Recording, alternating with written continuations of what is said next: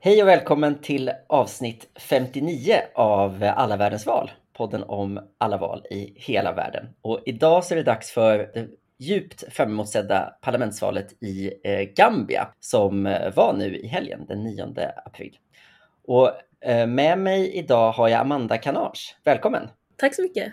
Tack, hej! Vad kul att, att du är här. Du mm. eh, har ju precis som tidigare gäster en bakgrund i, i svensk politik, i Liberalerna, där du bland annat sitter i kommunfullmäktige i Uppsala. Du är också ordförande i den internationella federationen för liberala ungdoms och studentorganisationer. Precis, precis. Men du har också en, eh, en viss relation till eh, Gambia och östpolitik, eller hur?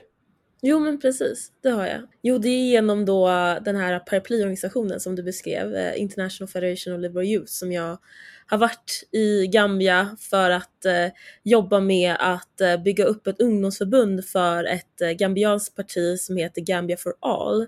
Och där har jag eh, verkat en del då och haft eh, möjligheten att prata ganska mycket med politiker där och ungdomar där kring politik och det är väl det som gjorde att jag fick ett stort intresse för Gambia och just eh, den eh, politiska situationen där i landet. Vad var dina, när du var där, liksom, vad var dina reflektioner över de politiska utmaningarna? Så? Jo, alltså Gambia är ett väldigt, väldigt litet land och också ett, en av världens fattigaste länder och det märks ju när man pratar med människor där att så här, de frågorna som är viktiga ehm, är delvis de så ekonomiska frågorna och hur människor liksom ska klara sig. Eh, mm. Men sen även så är det ju en väldigt ung demokrati och man märker ju av när man pratar med folk att eh, de här grundläggande demokratiska frågorna är också väldigt viktiga eftersom man väldigt nyligen har tagit sig ifrån en, en annan situation och då vill man ju inte tillbaka dit.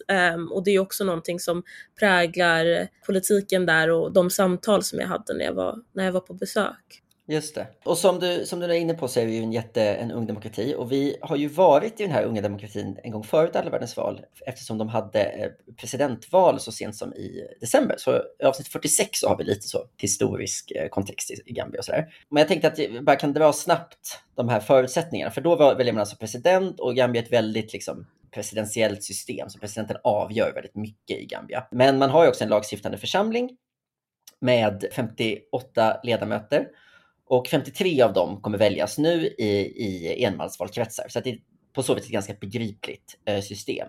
Och sen har man den speciella egenheten att fem tillsätts direkt av presidenten, bland annat parlamentets talman. Så det är ju en ytterligare tecken på att, att det är en ganska tung president. Då. Och precis som vi också var inne lite på i avsnitt 46 så är Gambia en, en ung demokrati och en ganska liksom skör och instabil demokrati. Men man har fått hyfsat goda internationella betyg för liksom de senaste valen som har genomförts. Så det finns en fungerande valdemokrati, men den är skör av, av massa skäl. Kanske inte minst så att den är så ung. Har du liksom några andra grejer som du tycker är viktigt att tänka på för att förstå Gambia?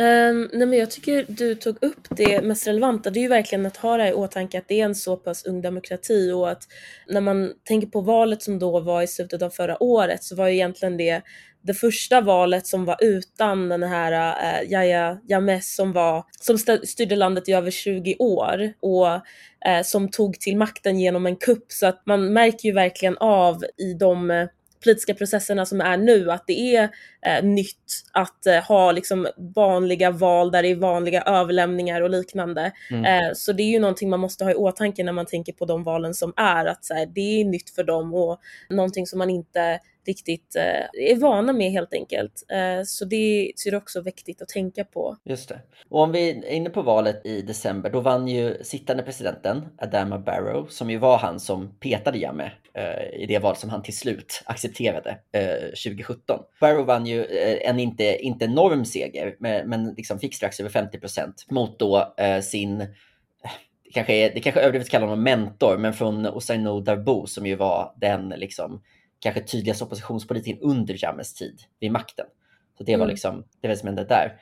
Ja, men var det någonting som förvånade dig i den valrörelsen inför presidentvalet? Jag skulle säga en sak som förvånar mig och jag tror förvånar ganska många eller som, som blev intressant var ju just då den här att man, dels så trodde man att eh, Yahya Jammeh skulle ha större inflytande på det valet på det sättet att det skulle bli mer som han ville. Mm. Um, att så här, inflytande av en tidigare ledare, en person som har varit ledare i över 20 år, tror man ska ju vara väldigt stort och så här, att man trodde nästan att, så här, att han skulle kunna få inflytande på ett starkare sätt. Uh, man såg ju då att uh, Barrows uh, parti gjorde ju någon form av så informell allians då med Yahya Jammehs tidigare parti mm. eh, som han sen backade ifrån för att det fick ju egentligen inte de reaktioner som man kanske trodde skulle få. Eh, utan det var väldigt negativt, det bemöttes väldigt negativt.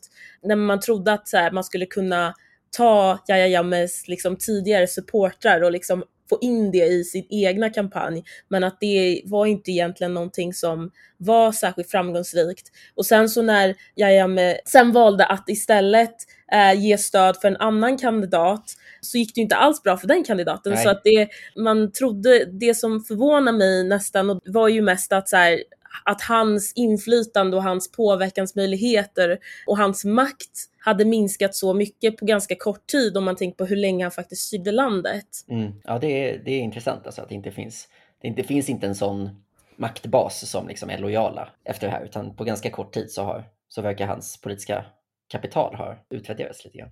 Precis. Uh, men eh, ska vi säga någonting om Barrow då, sittande presidenten som ju är betydelsefull i det här valet och som också alltså tillsätter fem av de här platserna. Mm. Där finns ju, han kom ju in som liksom uh, och lite snodde uh, the shine från, från den dåvarande liksom, frihetsrörelsepartiet, kanske det tydligaste, UDP, United Democratic Party, vars partiledare ju satt i fängelse och då blev det istället Barrow som, som fick ta det. så att han kom ju in med liksom någon slags ja, men min bild från, från ännu längre avstånd än vad än, mm. än du har haft är ju att han kanske kom in och skulle vara liksom en, en ung och pigg liksom förändrarkandidat. Eh, men att det kanske finns en viss oro i Gambia för att han tycker att det är ganska kul att ha makt plötsligt. Mm. Jo men precis, och det finns definitivt egentligen ganska mycket fog för den oron med tanke på att um, det har ju varit vissa situationer uh, som till exempel att uh, han eh, skulle ju då inte det var, det var ju vissa villkor från att han då blev liksom den här oppositionens kandidat som till exempel att han skulle ju egentligen bara sitta tre år.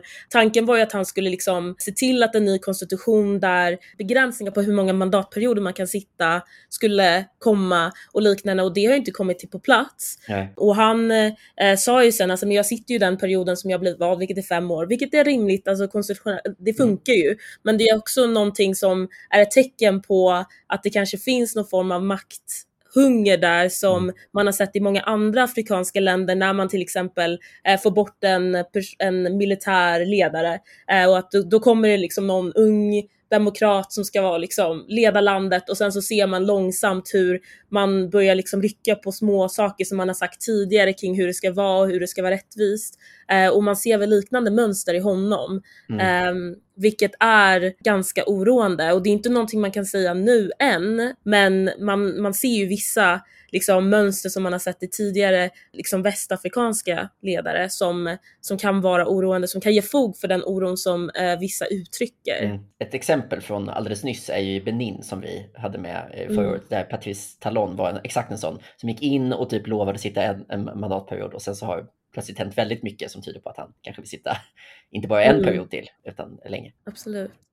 En fråga som var liksom viktig och som har lite att göra med det här, det är ju det här med den här försoningsprocessen som ju finns i, i, i många olika länder just där man har haft ett kanske våldsamt politiskt klimat eller, liksom, eller interna mm. stridigheter överhuvudtaget. Och det gäller ju då liksom Jammehs 20 år vid makten så begicks det ju väldigt mycket liksom, eh, övergrepp mot civilbefolkningen. Och där, en, en del av liksom Barrows löfte var ju att man skulle sätta igång en sån försoningskommission som också lämnar en rapport till honom precis innan valet. Och den har väl blivit ganska omdebatterad, eller hur? Mm, jo men precis. Uh, och den här rapporten, först var det ju liksom kritik kring att den att, den här, att det var bara dagar mellan valet och när den här rapporten kom. Och med ja. tanke på att det är liksom han som eh, styr landet så kan man ju liksom ifrågasätta varför det var så. Men ja, den här rapporten är ju någonting som eh, har blivit väldigt omtalat just på grund av att det handlar ju om hur man ska ställa de personerna som då gjorde väldigt många människorättsbrott till svars för de brotten eh, under tiden eh, som Yahya Jammeh var ledare för landet. Mm. Och Barrow var ju den som då satte igång den här, uh, kom, så här kommissionen, den här Truth Reconciliation and Reparations Commission för att liksom se till att uh, de ska ställas till svars för och det var ju någonting som många var väldigt hårda mot honom, eller hårda om att, så här, att det måste ske, att det måste liksom komma någon form av uh, lösning på, um, ja, men på, på de brotten som har skett. Och där har det ju varit diskussion kring så här, ska man ju då eh, åtala de här personerna? Ska man istället liksom fokusera på liksom reparations, alltså ge tillbaka eller ge vad ska jag säga, ge pengar och liknande till de offer som fortfarande finns kvar och lever. Det var ju väldigt många som blev mördade med deras familjer och sen så väldigt många våldtäkter under den här tiden och liknande. Ska man liksom då kompensera de här personerna på något sätt? Och det är väl den diskussionen som har varit och då är det väl vissa som är lite rädda för att han inte kommer vara hård nog, särskilt om man såg på förra året när man såg några kopplingar mellan Yahya Jammeh och alltså MPP, det här nya partiet. Eh, så här, betyder det någonting? Är det vissa som diskuterar? Kommer det ha betydelse för hur man hanterar den här rapporten? Så det finns ju ganska många diskussioner kring så här, hur kommer han hantera, hur kommer Barrow hantera det här väldigt viktiga uppdraget som många har väntat väldigt länge på. Så att oron skulle helt enkelt vara att han av något skäl har börjat liksom bli mer vänligt inställd till sin företrädare. Precis. Ja, och mm. ser en anledning att, att skona honom helt enkelt. Mm, precis, precis. Ja, men det känns, jag har så svårt att se varför han skulle, inte hela hans politiska cred att han liksom vann över Jamme. Det känns som ett så komplicerat, alltså det känns så svårt. Varför skulle han vilja? Um, jag tror det har att göra med att så här, med tanke på om man kollar på liksom, vem hans motståndare är nu. Ja. Liksom, han lämnade ju UDP som då var oppositionen ja. uh, och nu har han sitt egna parti MPP och de här två är ju de som fightar emot varandra. Men sen så finns ju de, den väljarbasen som var Jammes kvar och de är ju kan ju egentligen inte naturligt sett ses till varken eh, UDP eller MPP. Och då så kan ju det vara ett försök för honom att vinna över eh, Yahyames tidigare väljarbas eftersom eh, det är inte självklart för dem, alltså varken NTP, eh, UDP eller MPP, det är mm. väldigt många förkortningar här, ja. är ju inte någon självklar bas för någon av de här väljarna. Så om han då liksom vill behålla makten så kan man ju säga att det någonstans kan vara lite klokt av honom att försöka flörta med de väljarna. Just det. Och det är väl lite det som kanske ledde till det här som skedde i slutet av förra året som han sen var tvungen att liksom backa ifrån när det blev den här, äh, den här lilla dealen, om man ska kalla det, mellan, hans, eh, mellan NPP eller eh, Barrow och eh, Yahya Jammes eh, gamla parti. Baserades, tror ju väldigt många, det är ju, det är ju svårt att liksom veta självklart, eh, är på grund av att man liksom ville flörta med de väljarna som fanns där. Just det, så det är någon typ av, vad ska man säga, man, man pratar ju om så här väljarmaximering ibland, att det handlar om att liksom vara nära mitten men lite åt någon, någon kant. Liksom.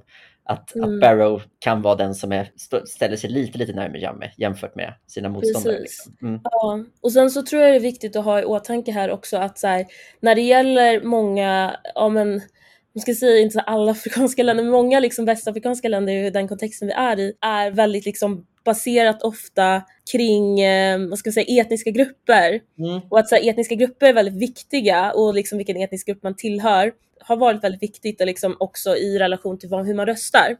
Och där kan man ju säga att, att det finns en etnisk grupp, eh, Jollo, som har varit liksom väldigt stödjande till Yahya Jammeh och den väljargruppen är väl kanske någon som man tror också att eh, eh, eh Barrow vill ha, eh, mm. den etniska gruppen. Och Eh, Sådana saker kan ju också ha en faktor i, eh, i det hela eftersom äktenskapsgrupper har varit något som traditionellt sett har varit viktigt när man tänker på val i den här regionen. Mm. Eh, så det finns ju många faktorer eh, som, som påverkar men sen så kan jag också hålla med om att det, det är ju egentligen med tanke på hur eh, det inte verkar som, nu har inte jag någon så data på det, som att Yahya är liksom populär eller har den här stora liksom eh, basen egentligen så kan man ju så här, ifrågasätta hur klokt det är att försöka liksom flörta ditåt. Mm, mm.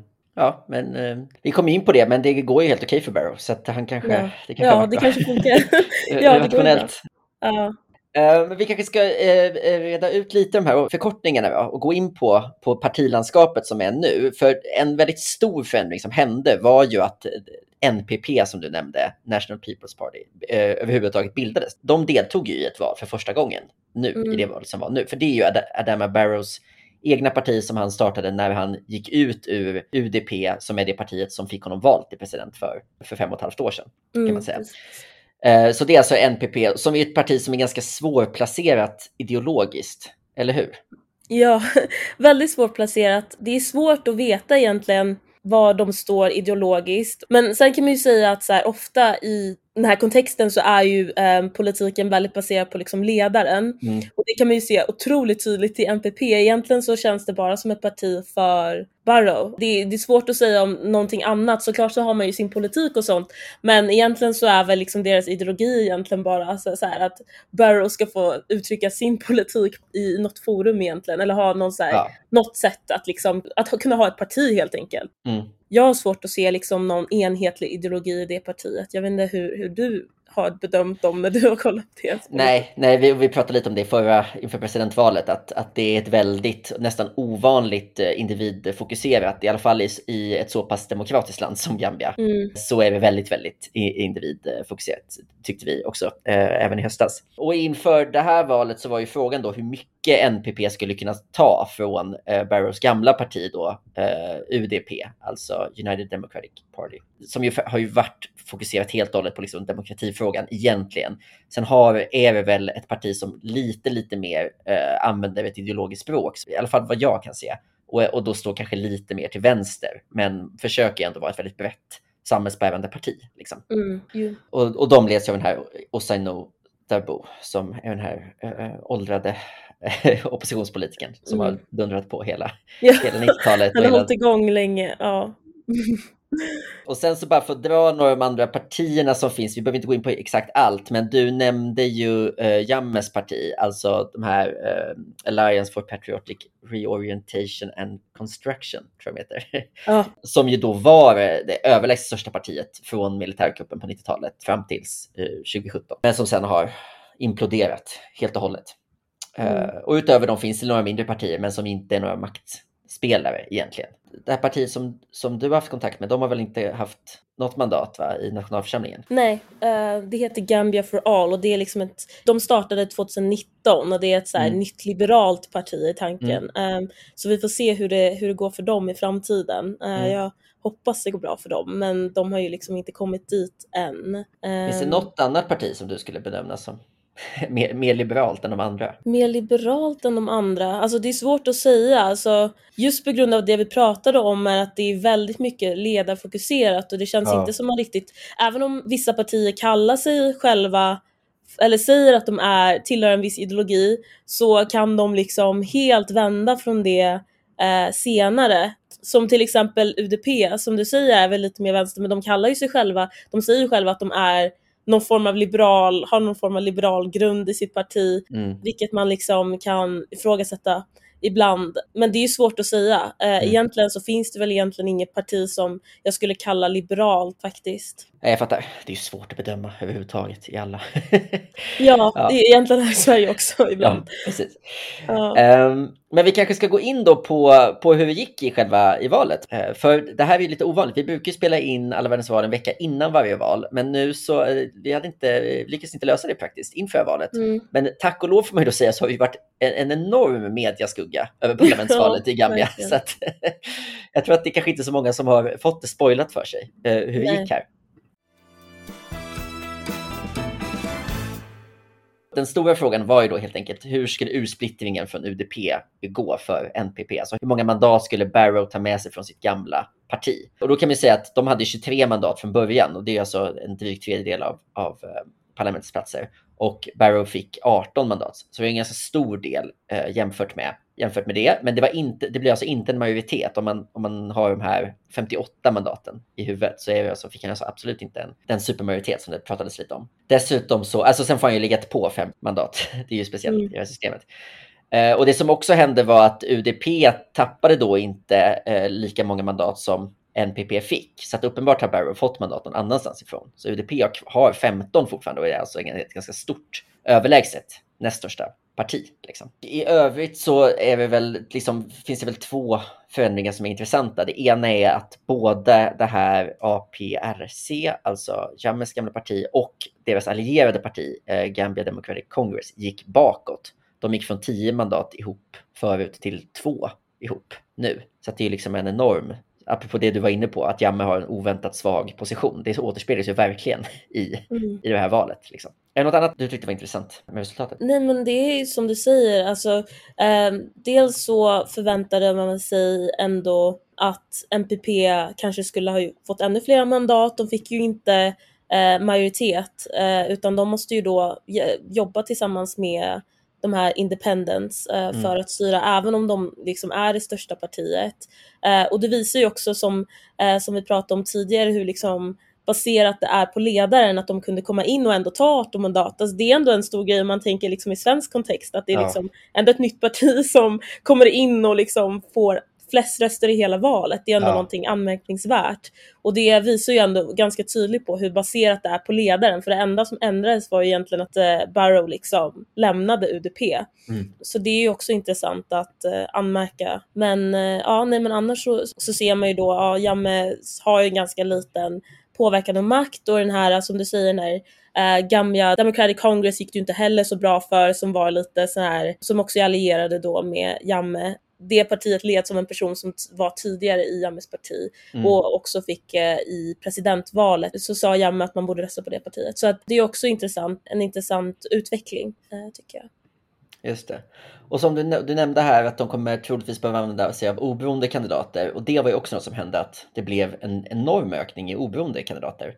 Eh, men jag tror det bara var en enda oberoende tidigare och nu är det alltså 12.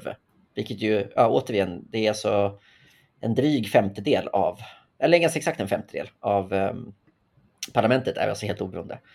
Har du någon välgrundad gissning hur man ska förstå mm. det? Alltså att det, blev, att det plötsligt är så många. Jag reagerade också på det. Eh, jag mm. tycker det är jättesvårt att säga vad det egentligen kan bero på. Ehm, man kan ju egentligen bara så här, göra liksom kvalificerade gissningar någonstans mm. och då kan man ju liksom fundera över det vi har pratat om tidigare att liksom Burrow ledde ju då UDP, skapade ett annat parti som MPP och då är det liksom de två stora partierna som egentligen står emot varandra är egentligen i princip nästan samma parti. Ja. Och då kanske man kan liksom dra några liksom, slutsatser från det, att människor då kanske känner att, att de inte riktigt har någonting att välja på och kanske då vänder sig till eh, independence. Eh, för om man jämför då med förra parlamentsvalet så var det ju mycket större liksom, konfliktyta egentligen mm. eftersom det var två väldigt olika ledare, eh, man ska säga. Eh, så det kan ju vara någonting, men egentligen mer kvalificerade gissningar än någon form av liksom, analys som jag egentligen har läst, för det, det har jag faktiskt inte hittat. Eh, eh så. Nej, men intressant, men det är väl en bra, det är väl en bra gissning. mm. Vad, eh, har vi några liksom frågor som dominerar det här utöver de här demokratifrågorna egentligen? Ja, jag tror att så här, väldigt viktiga frågor kretsar kring ekonomin. Det Gambia som ändå är, som jag nämnde tidigare, eh, en av världens fattigaste länder och också Afrikas minsta land. Det är ett väldigt litet liksom, mm. fattigt land har ju då fått eh, ta ganska hårda konsekvenser av delvis liksom pandemin. Eh, Gambia är ett land som är väldigt beroende av liksom, turismen eh, och sen så har inte det liksom funkat under pandemin och sen så har vi liksom Ryssland och Ukraina som ledde till att det eh, de ekonomiska förutsättningarna blev ännu svårare mm. Ehm, och det tror jag är kanske någonting som man kan se från förra valet att så här, ekonomin spelar väldigt stor roll för att när man eh, redan har diskuterat de här demokratiska värderingarna, de demokratiska faktorerna väldigt länge eh, kring så här, ledaren och så här, nu har vi en ny ledare som ska vara mer demokratisk och så vidare eh, så kommer de här frågorna kring ekonomin och hur landet faktiskt går, de frågorna blir mycket viktigare sen mm. och det tror jag är någonting man kan ta med sig i det här valet att men, jag tror människor kände att så här, okej okay, Barrow har ju styrt nu och det har inte egentligen blivit bättre utan ekonomin är sämre och då kanske man inte kan skylla allting på honom men det är ändå någonting man ser och sen kanske skyller på honom ändå. Det kanske gjorde att det inte blev den här uh, landslide victory som jag såg att folk skrev att det mm. troligtvis skulle bli för, för Barrows parti. Um, så jag tror det ekonomiska läget påverkade ganska mycket. Mm. Ja, det är intressant. Det får man säga om man, om man tittade någonting på. Typ, eh, av de större internationella medierna var ju typ Al Jazeera var typ de som hade mm. återkommande rapportering. Men de hade, där var det ju verkligen gissningen att Barrow skulle kanske få en, eh, en mycket, mycket starkare ställning och lyckas. Precis. Eh, mm. Lyckas ta över. Det är intressant. Det är också i sin tur då en, alltså som du, om det är som du säger, att man liksom, att någon slags behovstrappa av demokratisering. Att först vill man, vill man bara att det ska vara demokratiskt och sen när det väl är det, då kan man börja granska politiken på ett annat sätt. Liksom. Då skulle det ju tyda på att, man, att det är det man har gjort här. Jo men absolut, det är väl det som är gissningen men så är det svårt att säga. Det är ju väldigt mycket så här, politiken som vi var inne på tidigare är väldigt annorlunda. Det har ju också liksom med de här etniska grupperna att göra. Det har med att göra liksom ledarens egenskaper. Det, mm. det är ju så mycket men jag, jag tror verkligen att eh, det spelar i alla fall en större roll nu. Jag vet inte om det kan, man kan säga att det är liksom en avgörande men jag tror, jag tror att det hade större roll än tidigare val och det är också att det också påverkade valet. Men sen också en sak som jag kom på nu som jag tror som en händelse som jag tror kan ha påverkat också mm. är liksom läget i Senegal för Senegal är ju liksom, Gambia gränsar egentligen bara till Senegal ja. och de har ju verkligen så här väldigt tajta relationer. Mm och har haft det liksom ända sedan de båda länderna liksom blev eh, fria från eh, koloniseringen. Mm. Um, och Senegal har liksom blandat sig i väldigt mycket liksom Gambia i deras politiska processer. Om man bara kollar på uh, när Barrow tog över efter Jammeh så liksom var det Senegal som också blandade sig i om hur mm. liksom, det skulle ske och sådär.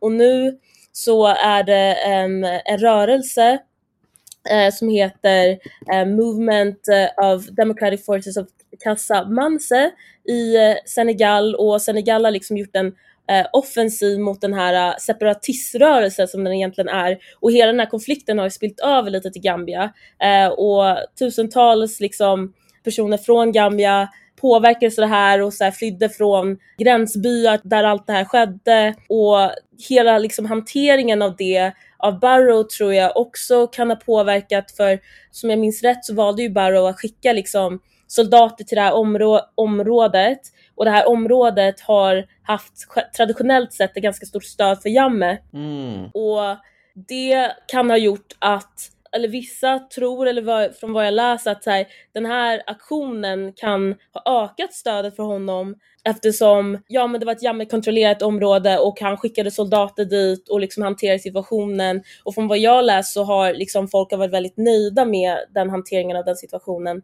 Och att det är någonting som liksom skedde och eh, någonting som man eh, måste ha i åtanke att de här kan, typer av offensiver och, och liksom de här relationerna mellan Senegal och Gambia påverkar också det här valet. Jag tror inte det kan ha haft stor påverkan men det var ändå någonting som man diskuterade fram till valet, liksom, hur kan man hantera den här situationen när det är liksom i närområdet en separatistgrupp mm. i ett land som man har haft väldigt tunga relationer, eller har väldigt tunga relationer till och den här konflikten spelar över till Gambia och då vill man ju ha eh, en person som kan hantera det. Och man ser ofta, det kan man ju se också liksom nu i Sverige, att så här, när det sker liksom oroliga situationer så ser man ofta till liksom presidenten, till ledaren och liknande och Just de det. får ökat stöd av det. Så det är ju någonting som man också kan reflektera över. Det finns ett, ett, eh, ett lite töntigt amerikanskt begrepp som heter rally around the flag. Att man liksom i, i mm. kristider mm. så blir man mer benägen att rösta på sittande ledaren.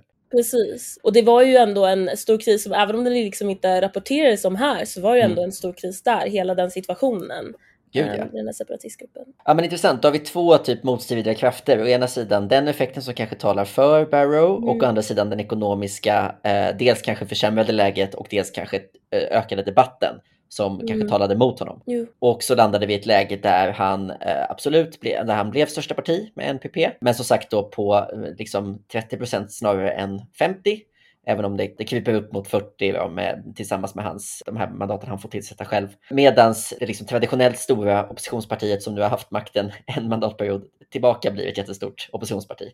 De mm. här eh, UDP. Jo, precis. Vad har vi, är det någonting vi ska hålla utkik över i Gambia framöver? Eh, nej, men jag tror det blir intressant att se hur man dels hanterar hela det här uh, försoningskommittén och den här mm. rapporten. Eh, för det är ju återstår ju att se. Det var ju um, jag tror Barrow hade ett tal där han sa så här, ha tålamod, jag ska hantera det här, jag kommer liksom se till att det blir liksom att den här rapporten liksom efterlevs mm. och liknande. Men vi får se liksom hur det liksom blir om, mm. om han faktiskt kommer att hålla sitt ord eh, när det gäller det. det är en sak och sen skulle jag säga den andra är ju hur man kommer hantera skrivandet av den här konstitutionen och eh, eh, gränsen på antal mandatperioder så man faktiskt inte har löst den. Eh, Ah. Det var ett förslag som var liksom tidigare kring att man skulle liksom begränsa antal mandatperioder men sen gick inte det igenom och någonting bara fått kritik över att liksom, eh, det borde ha varit löst. Så där blir det också intressant att se framöver om om man lyckas liksom få till en konstitution där man faktiskt har tydliga demokratiska riktlinjer och ifall de kommer följas också i framtiden. Just det. Det är ju väldigt dålig timing att göra om de reglerna samtidigt som man har en president som eventuellt börjar bli lite för Ja, sugen på precis. på precis. Ja. Mm. För just det, då måste, det finns en stor debatt om konstitutionen va? eftersom man egentligen fortfarande har Jammes gamla 90-talskonstitution som infördes i samband med militärkuppen. Visst är det så? Precis, det är en stor debatt om den. Eh, och, jag, och det var ett förslag som lades under den eh, tidigare mandatperioden men som inte gick igenom. Så det är ju en fortsatt eh, debatt som måste lösas. Ja, men det kommer finnas, det blir spännande att se dels hur man sköter det, hur man sköter, eller hur man sköter den nya konstitutionen, hur man sköter den här försoningskommissionen och sen hur, hur nästa val går blir ju väldigt, det blir ju verkligen Mm. det som avgör typ det demokratiska ödet känns det som, alltså hur man förhåller sig eh, till, Precis. till det valet, det Ja. valresultatet. Jo men precis, det blir jätteintressant att se och jag tror man liksom har försökt liksom uppdatera konstitutionen och sådär de, de senaste åren men det är liksom, är, det, hela den här stora frågan blir ju verkligen så här, men hur ska man hantera liksom mandatperioder? Och det är som du säger, det är ju lite läskigt när det är en person som man är lite rädd för, är lite, ja men makthungrig. Eh, Mm. Kommer han liksom lyckas vara den personen som ser till att det kommer, det kommer till någonting bra? Men vi kan väl i alla fall konstatera att det här valet verkar, eller konstatera kan vi kanske inte göra, men vi kan väl i alla fall se att tecknen utifrån verkar ju tyda på att eh, det här valet ändå förlöpt hyfsat demokratiskt och det har ju absolut inte blivit, det har ju snarare varit ett, en negativ överraskning för Barrow så att det verkar ju inte vara ett särskilt friserat valresultat heller. Så det är väl ett, ett positivt tecken i alla fall. Jo, men det är definitivt, det tycker jag också. Mm. Vi kanske är nöjda där, vad tror du? Mm, jo men verkligen, gått igenom mycket nu på, på 40 minuter. Ja. Ja, men då rundar vi av det här 59 avsnittet om Gambia och, och, men konstaterar att det fortsatt är ett, eh, ja, men ett väldigt intressant land. Alltså. Jo, men absolut. Ja, tack, Tack. så mycket för att jag fick vara med. Ja, var- tack för att du var med Amanda. Det var otroligt värdefullt. Ja, vad bra, vad bra. Nästa avsnitt av Alla världens val kommer om eh, några dagar bara efter att det här kommer ut. För då är det dags för den andra valomgången i Östtimor. Så det får ni hålla utkik över. Spännande. Ja, ha det så fint. Ja, Hej då. tack, hej.